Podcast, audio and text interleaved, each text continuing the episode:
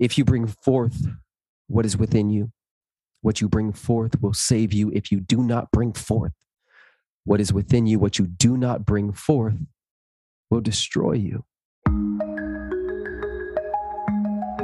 We are part of creating a society of healthy, empowered, and fulfilled individuals. My name is Madeleine Mofjard, and I'm here to bring you perspective. In this week's episode, I connect with the best selling author and personal freedom coach, Preston Smiles. I do think that the best way to describe him is as a messenger of love.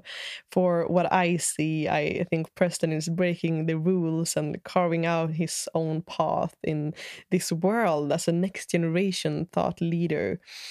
And Preston has been generating millions of views, inspiring people to become more free from the inside and out, which is also what we will be diving into in this conversation. And Preston has also been featured in Forbes, Cosmopolitan, LA Weekly, and many others. He's also appeared on top podcasts such as Lewis Howes, The School of Greatness, and Impact Theory, where he has shared the arena with names such as Tony Robbins, Joe Dispenza, David Goggins, and Brené Brown, just to name a few of them. And today, well, you can imagine it's my absolute honor to invite him to the show to share his perspectives on how we can become more free from the inside and out. And in this conversation, you will hear us talk about how to overcome shame and guilt in order to live more fully. We talk about the difference between operating from an energy of proving ourselves and actual aligned inspiration, and how everything that we experience in this given moment is right on purpose. My name is Madeleine Mofjard, and I'm longing to hear your reflections and insights after listening to this episode. You can find me and connect with me on Instagram at Mofjard or through the link in the description to this episode. I truly want to invite you to reach out to me and let's keep this conversation flowing. And if you do have friends and people around you that you think would appreciate this conversation, feel free to share this with them or on your story and tag me. And yeah, let's keep this conversation spreading and flowing. Now it's time to kick this off and to invite Preston to this conversation. Hi and welcome, Preston Smiles, to the Perspective Podcast. Hurrah! Oh, oh. Yes, Yes, yes, and and not only welcome to to the, this podcast, yes. but also to yes. Sweden. I feel like Sweden is a second home for me. I have never been, but for since I started, literally since I started, and I, and I mean that, 2007 was when I first started getting comments from people from Sweden.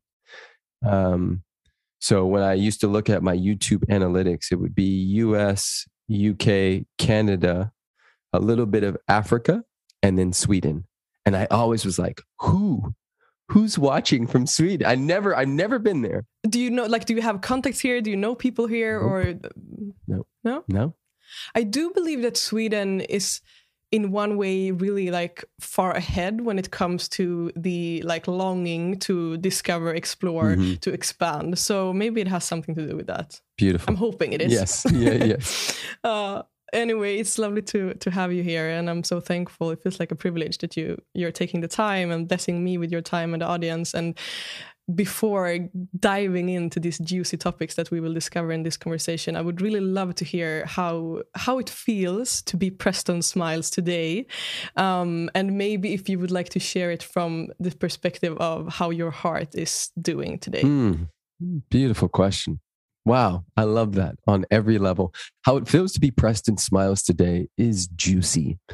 It's it's like sherbet, rainbow sherbet, uh, swirling, swirling like a like a little miniature tornado. And if I had to put that into like regular English, on purpose. I f- I'm experiencing a sharpness and a it's like sharp and and soft at the same time. So I watched my 4-year-old son Kingston this morning. I was sleeping on the floor next to my twins, uh, boy girl twins, Zai and Zahara. And uh, Zai woke up at four in the morning screaming. So daddy runs in and rubs him and gets him some milk. And I lay next to him uh, on the floor. And at five in the morning, Kingston, my four year old, comes in, jumps on top of me, and wakes up one of the twins. So I hurry up and I grab them both and I run out and we go on the couch and we're sitting there. And Kingston, my son, looks at uh, Zahara, my only daughter. I have four children, uh, only one is a girl. And he says, You want to snuggle, Zizi?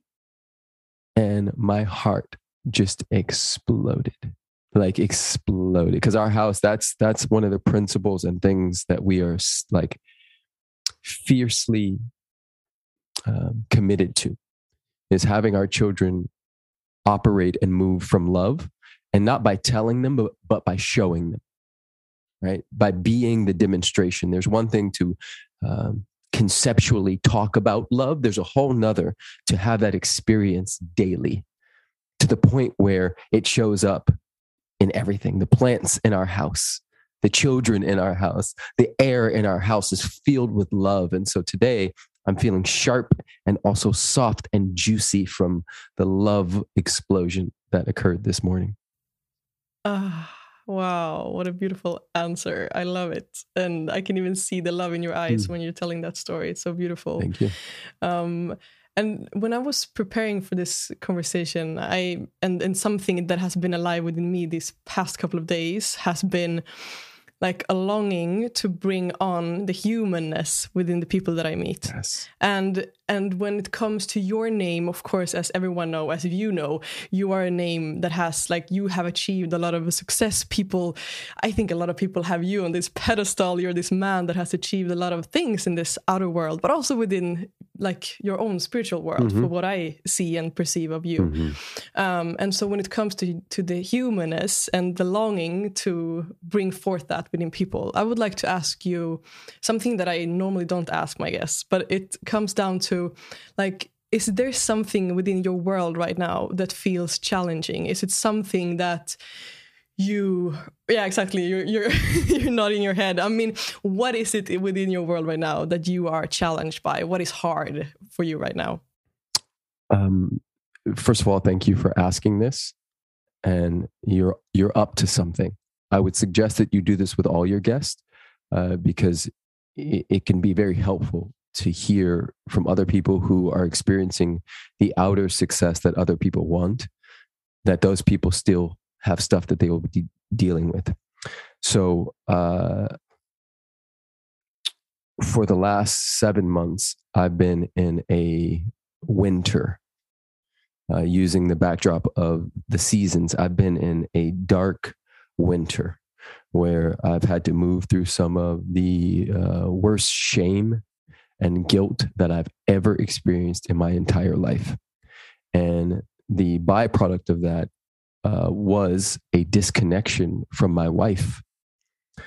And we had our son Cassius um, eight months ago. And so there's been this um, we're in the process of coming back together. But the only way her and I can come back together is if I come back to, my own uh, knowingness about the truth of my being. And so, um, all of my life, since I was 13 years old, I've been the man of the house. And what I mean by that is, um, and children do this, all of us do this. We, we adapt based on what's occurring in our households. So if your uh, mom or dad are really stressed out, you may become an out of the way kid. If your parents are extremely sad, you may become an entertaining kid. If your parents are dangerous and angry, you may become um, uh, a, you may disappear in the house, right? We adapt as children based on the environment that we're growing up in. And my father was experiencing some some uh, unresolved trauma that showed up in drug abuse and uh, womanizing and things of that nature. And so by the time I was 13, he had already taken up all the space for somebody who was going to be experiencing their experience. So I made a decision unconsciously that I would never be like him. And therefore, my dad's taken up all the space in the in the realm of uh, messing up and going through his process. My mom is stressed out based on his stuff and her own stuff. And so what I decided unconsciously was that there was no room for my needs. And so I became the type of kid that had no needs. If my mom tried to give me $5 for, for lunch, I'd say, no, just give me two. Um, I never broke a bone. I never hurt myself in any way. And if I did, I never shared it. And the point that I'm trying to point to here is from 13 to 40, I had been operating from that same space, trying to be perfect and get it right to prove that I was better than my dad. And when we are operating from proving energy, yes, you can get far, you can do things. However, there's going to come a point where it's going to break because it's not sustainable. It's not the truth of our being. It's not full alignment. We are three fold beings body, mind, and soul. When all three are aligned, we are at our most powerful. Well, the proving energy was coming from my mind. My body was having a separate conversation, and my soul, my soul knew, the soul always knows what the truth is. And so, over from 13 to 40, I had been finding my way back home to the self. And sometimes that occurs voluntarily, and sometimes it occurs through uh, a car crash, if you may. Not an actual car, but like a metaphorical crash. And um, when we don't listen to that still small voice that is always speaking, in uh, Untethered Soul, Michael Singer calls it the inner critic uh, or the inner roommate. I've named mine P Murder because when P Murder is talking, when P Murder is in front, he's trying to murder everything. He's judging everybody. He's trying to control absolutely everything. And over the last seven months, I recognize that everything, everything that I judged my father for, I had done. And so it was like a reckoning where I had to um, decide what's next. Because the distinction and the difference between somebody who lives an extraordinary life and somebody who lives an ordinary life of quiet desperation is not whether they mess up or not. If you're actually doing life, like for real, you're going to fuck a whole bunch of things up the distinction and the thing that makes me extraordinary is not that I walk through life perfect, but how I repair when I do mess things up. Right? Yeah, using the, uh, I guess, the analogy of like jumping into a swimming pool. Sometimes, you know, we cannonball into a pool and that splash doesn't just hit us and get us wet, but it hits other people. And so I had to go and clean up all the water that had splashed on people that I didn't intend for it to splash on. And so I'm coming out of that winter season into a spring. And it's, I'm so grateful uh, for all of it. It's the work that I've been teaching and doing for years, but it gets a little more nuanced the older you get and the deeper you go into your journey. Yeah. Mm. Love to hear that. And first of all, thank you for your courage and vulnerability to share that. And I, I think it, it's it also comes with even a little bit of like a jiggle within me because I can relate not to the story that you're sh- sharing, but also to like being a voice, a messenger of this work of working with your own shadow sides, with your traumas, with your like generational stuff that you're carrying on, um, and being a voice of that comes with like always getting those like tests well maybe you shouldn't see it as tests but like yeah uh, opportunities for actually becoming more truthful and like congruent within that yes. uh, mission and and message so it's so profound to hear you share that and that you're yeah having the the courage to openly talk about it makes um, yeah makes me mm, super grateful to have you here. Um, and i'm also curious to hear your journey because you mentioned that, that you it has come with a feeling of, of shame that you've been carrying. Um, and i'm curious to hear how you have been like working with that feeling of shame within you. Do you have yeah any sort of perspectives on that? How can we meet our own shame and guilt?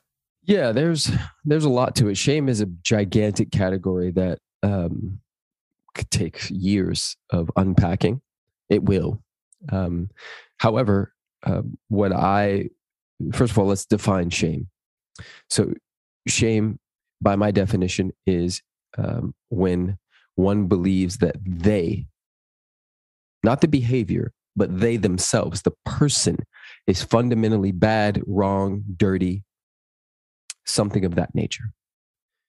Um, and oftentimes that comes from some type of childhood trauma, whether we're aware of it or not. Uh, because before five years old, most of us don't have uh, explicit memories. We have implicit memories, we have body memories. Um, but we don't have explicit memories. We don't have procedural, like start to finish memories. We may just have like there's a smell or a feeling or an uncle comes in the room and your body tenses up. And so, um, what I like to help people understand and and and what I work from is my understanding of God. And I've explained to clients before that if you see a rainbow and you think to yourself, oh, that's so beautiful. Oh my God. If you see a puppy, a baby puppy, and you go, oh, it's so cute. If you see a baby and you're like, oh my gosh, look at how perfect this being is, then that is the same energy that one gets to point right back at themselves. Because my belief in the the the entity that some people call God, Jesus, Buddha, Krishna, Allah, Source, Divine Intelligence. My belief is that that thing has never ever made a mistake. So any leaf that is on a tree outside of your house, or you, the person, none of it is a mistake. If it's here, it's intended here. Hmm. So I believe that all of us are perfect, whole, and complete, but not finished. We are all unique emanations of the Most High, sent here to reflect and reveal God's love in only the way that we can. That we are, if, if a snowflake can be, every single snowflake has a perfect pattern that is different than the next one. And each snowflake does what it's supposed to do. It, it floats and rides the wind as it is supposed to. Wherever it is, is perfect. So if we assume that if wherever a snowflake is, is perfect, and the design of that snowflake is perfect, then so is Madeline and so is Preston. That means that no matter what Madeline does or does not do, wherever Madeline is, so is God and so is perfectness. Going back to the rainbow, going back to the puppy, going back to the baby, all of it is. And that isness can never be wrong, bad, dirty, fill in the blank. Our job as conscious choice makers is to awaken to ourselves in such a way hmm, that we can be present to the presence.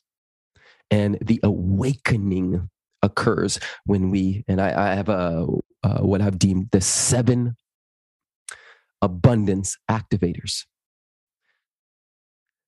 Number one giving out right this is giving out uh, put a dash next to it time talent treasures right giving out of one's uh, time we can call it giving birth. Um, what are you doing with your time? What are you doing with your talents? Right? I'm going to pause there for a moment. The fruit does not belong to the tree. The fruit belongs to the ecosystem. If the tree tries to hold on to the fruit, the tree will stagnate and die. Hmm. The blood does not belong to the vessel, it must flow through. And it is the same for each and every one of us. So, what are you doing with your talents? That. One of my favorite quotes from the Gnostic Gospels of Thomas reads If you bring forth what is within you, what you bring forth will save you. If you do not bring forth what is within you, what you do not bring forth will destroy you. Hmm. That is the same thing I just said about the tree, said differently. Treasures. This is when we are tithing and working with the law of circulation. Everything on our planet is always moving, shifting, and changing. And so when we are tuned in to the frequency of mm, tithing, which means 10, giving 10% to where we are spiritually fed, we are in alignment and in the flow of life. Hmm? Currency?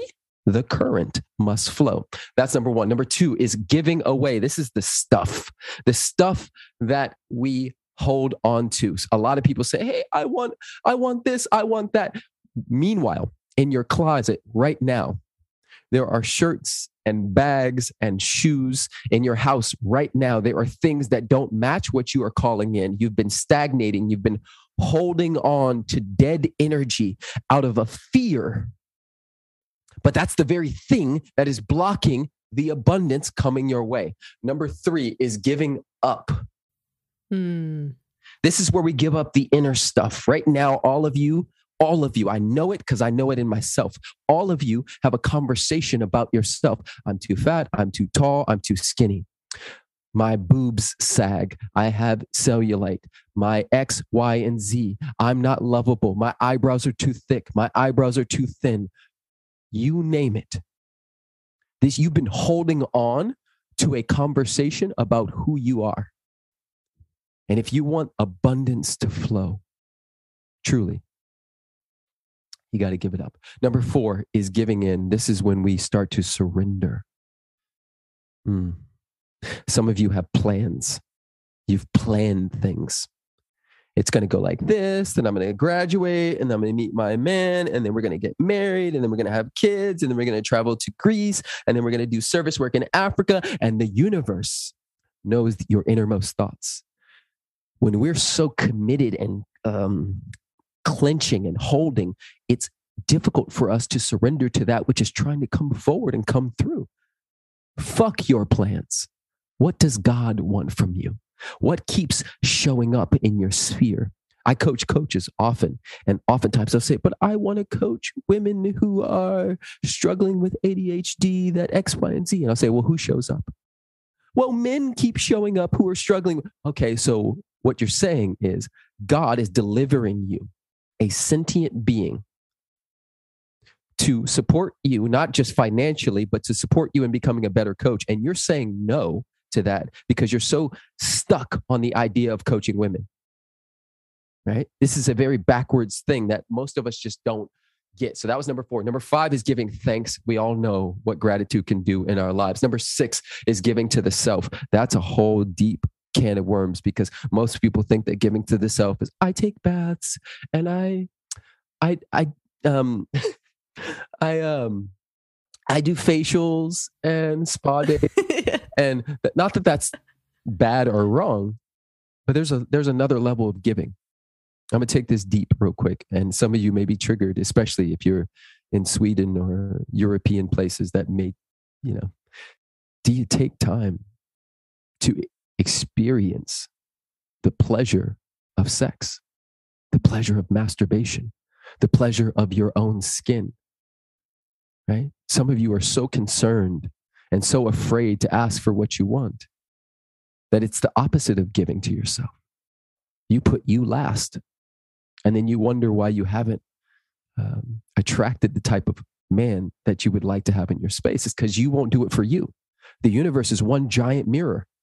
It's only always going to reflect what's going on on the inside. Mm. And last but not least, number seven is forgiving. Um, this one's huge. There's a cousin, a sister, a mom, a dad, for sure, a mom or a dad. There's someone you haven't forgiven, something you've been holding on to, somebody you've been judging, thinking that you're right about them, thinking you're hurting them by not forgiving. But we don't forgive to uh, excuse some of the behavior. The behavior was terrible. We forgive so that that that cord, that poison isn't on our hearts. We forgive because what you judge, you will be judged by or one day become. You live long enough, you are going to get your ass handed to you. No matter how much you think you're doing it right and trying to get it right and perfect, you're going to get your ass handed to you. And so we forgive so that we can give grace to other people, knowing that that grace will be returned tenfold to us as well. So those are the seven abundance I love it. I love it so much. Some something else that I've heard you talk about, and I, I think you mentioned that word in this conversation too, is alignment and how happiness and and in the meaning and fulfillment is a product of alignment uh, or a consequence of alignment. And I'm curious to hear your perspective on that. Like, what do you define as alignment, and how can we show up to create more alignment within our lives? Yes, there we go. This is beautiful. Um, there's a quote uh, happiness cannot be traveled to, earned, owned, worn, or consumed. It's a byproduct of um, operating from an attitude of gratitude, which is another way of saying operating from alignment. Because alignment for me is defined as First level, accepting what is. Next level, embracing what is. Third level, celebrating what is. The moment we can even, just at the base level, just accept what is, I'm in alignment. How do I know? Because it is. And isness has never made a mistake. There's nothing on our planet that is occurring that is a mistake because it's here. So I can I can argue with what's here or I can accept what's here. Doesn't mean it's right, but right and wrong are relative and subjective. How many of you, and I, I hope you do this, had your heart broken and you thought you wouldn't make it out? How many of you had your heart broken and you thought, I'll never make it out of this. And then you met the next person. And then they broke your heart or you broke theirs. And you thought you'd never make it out. Then you ne- met the next one. You don't know what the universe is doing. You don't understand. Some of you, you're so controlling that you think it's actually you doing it. There's an orchestration, a divine orchestration that is moving a hundred steps ahead of you. And so when we get out of our own way, and just accept what is right? I watched um i went through a process of listening a few years ago and it led me to a place and then when i got to the place this voice inside of me said go back downstairs and when i went back downstairs the moment i opened the door i turned left i took a few steps and a woman got hit by a car and she flew in the air. She landed on her head and her brains splattered out the back of her head and I knew in that moment, like instantly, why I was there. There was a doctor and a nurse, a doctor on one side of the street, a nurse on another side of the street. We all ran in. I went to her feet and I began to uh, go into an altered state and pray with her. Um, just letting her know that if this is the time that she's going to die, that I'm here, that she's not dying by herself. Um, her name was Amelia Sturrental. You can look it up online. Amelia Sturrental, New York City, hit by car. Um, she died right there. And at the time, I was I had a little bit of PS, PTSD, um, and it felt like like kind of like a gift, but more like a curse because I just kept seeing her dying. I just kept seeing the blood gurgling from her mouth and all the things. But as the years go on, I see that that's exactly what I needed to deepen my practice. That it was a gift, and out of 7.7 billion people, somebody was there when Amelia Sturrental was born. There was more than likely a doctor, more than likely a nurse when she was born. More than likely, her, well, of course, her mother was there. Right? She had community when she came into the world. And out of 7.7 billion people, I was chosen to be with her when she left the world. Mm. That day changed me forever. My reverence for life changed forever watching her die. One more story. I met this girl named Katrina. She's the only other person besides my wife that I thought was the one. Katrina and I were dating. It was uh, magical. It was sexy. It was all the things. She left her boyfriend for me. And then five months later, her mom, her sister, and her boyfriend all came back and said, You need to get back with him. She invited me to a park. We climbed up into a tree. And she said, I'm going to have to leave you. Um, she gave me a kiss climbed out of the tree. And to this day, I have not seen her. Um, she blocked me on everything. Everything. And for a year, I was extremely heartbroken until it hit me that Katrina was a mirror for me. She was a reminder that I was giving my power away she was a reminder that I actually really wasn't in love with me. I needed her to validate that I was good enough. And so after that year, I spent six months celibacy, no masturbation, no nothing. And I decided that in that six months, I was going to fall in love with me. I came out of it. I dated about three people. On the fourth person that I dated was a blind date. She got to my door. That morning, I had posted on Instagram, and you can still find this. You'll just have to scroll really far. I posted on Instagram that morning. This is 2014, 20, yep, t- beginning of 2014. I posted that morning two wolves kissing. I actually have the tattoo on my arm right here. Mm, um, beautiful. And I said, I can feel her coming. Dot, dot, dot. Hashtag wifey hashtag the queen is on her way. Because I was calling in my one, I was calling in a wife. So I had a blind date later that night. 6 p.m., my blind date knocks on the door. Her name is Eva. We're still friends to this day. She has a little daughter. It's awesome. And a husband. Eva knocks on my door. I open the door. I instantly know it's not her. So I'm like, oh, this isn't it. I'm gonna I'm gonna cancel this date. But I delete had, the post. Yeah, and I didn't delete the post. but I, I, had been in a, a, a, prayer class, a power of our uh, prayer, and so what they asked us to do in that class is before we any, make any decision, just to stop for a moment and ask our guides, God, Spirit, our higher self, am I supposed to do this? So I went upstairs and I went into my room and I said, Am I supposed to go on this date? And a voice said yes. And it was like a like a not just a voice, but like a, a, a body hit too. So I asked again, Are you sure? Because I'm asking for my one. That's not it. And the voice came back and said, Yes.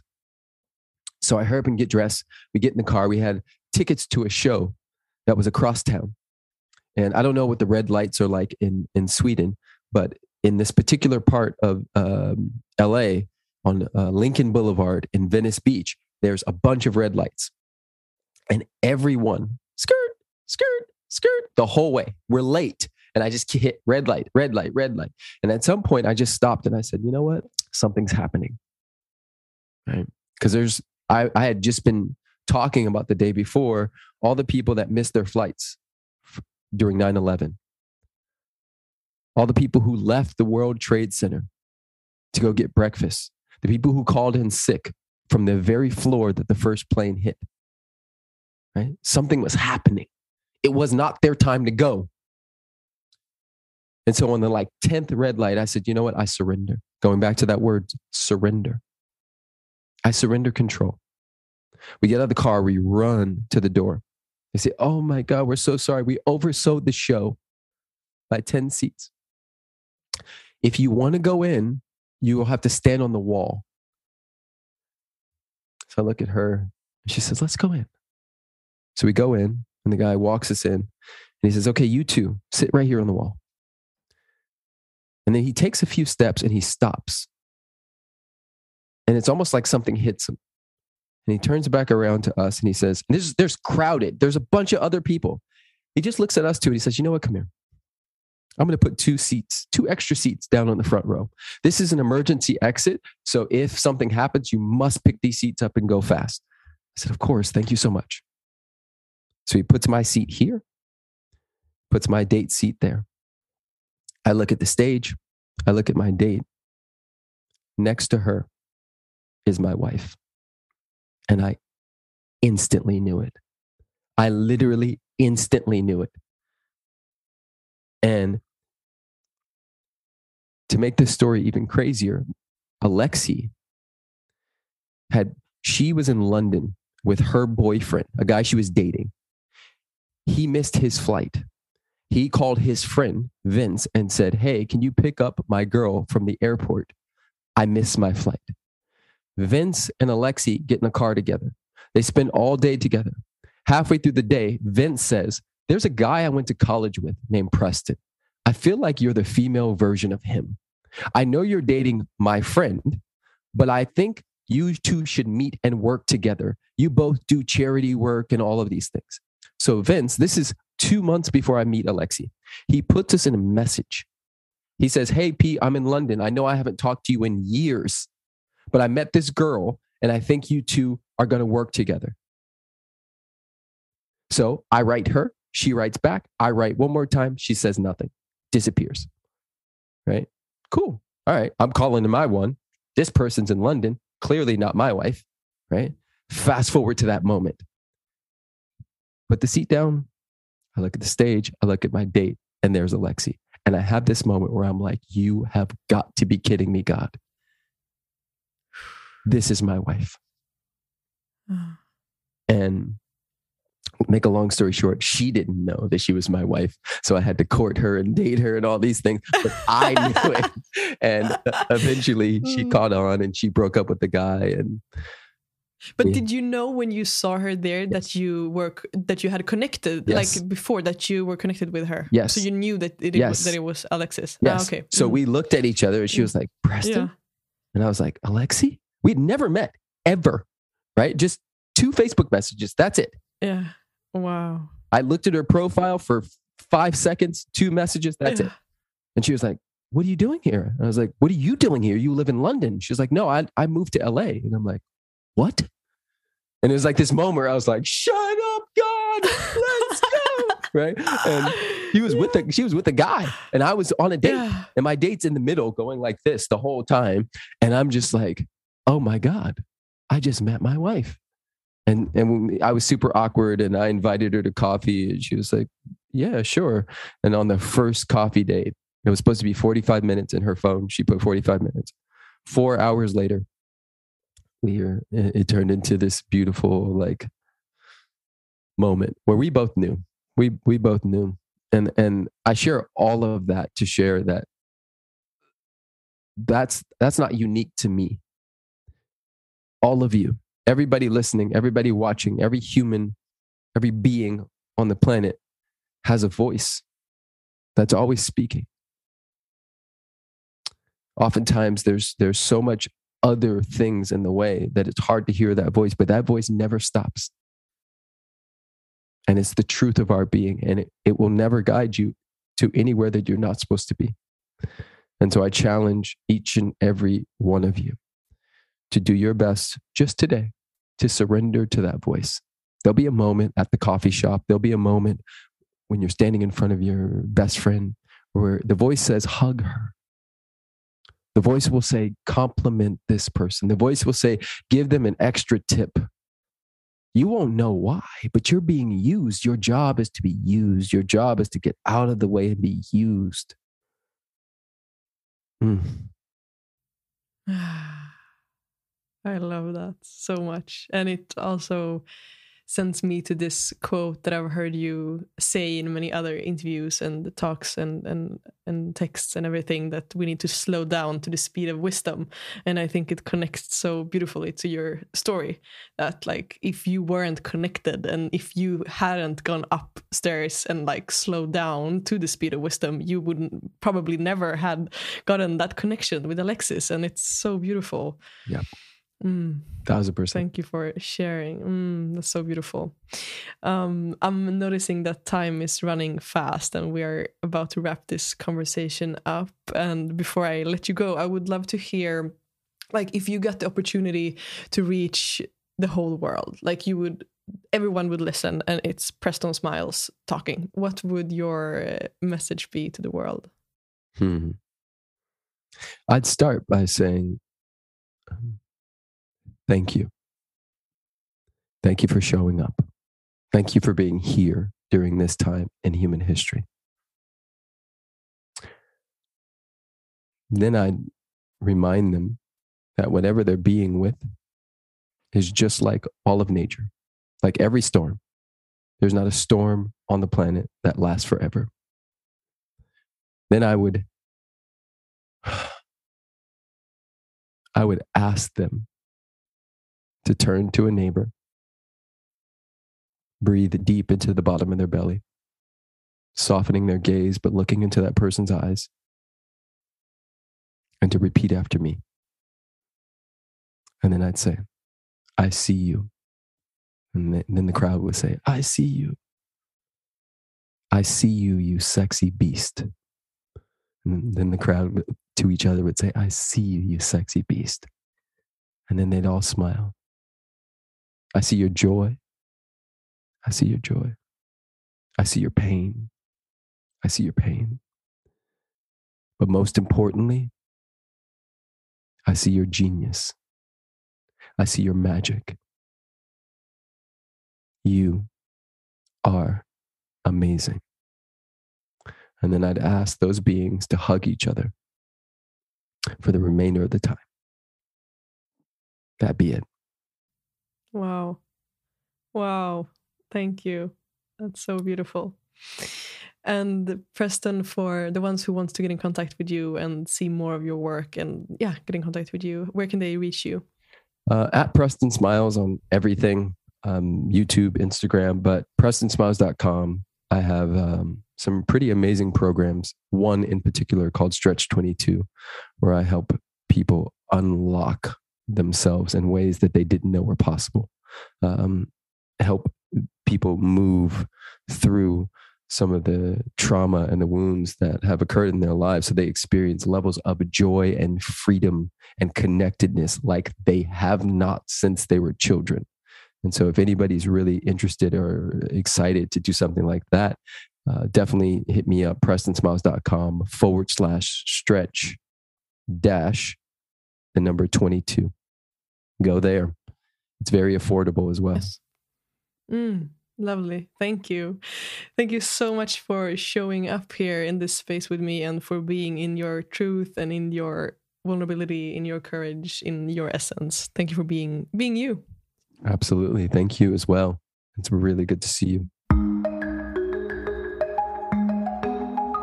Thank you for tuning in with us today, for sharing this space with us, and for having the courage to show up for you becoming the highest version of you.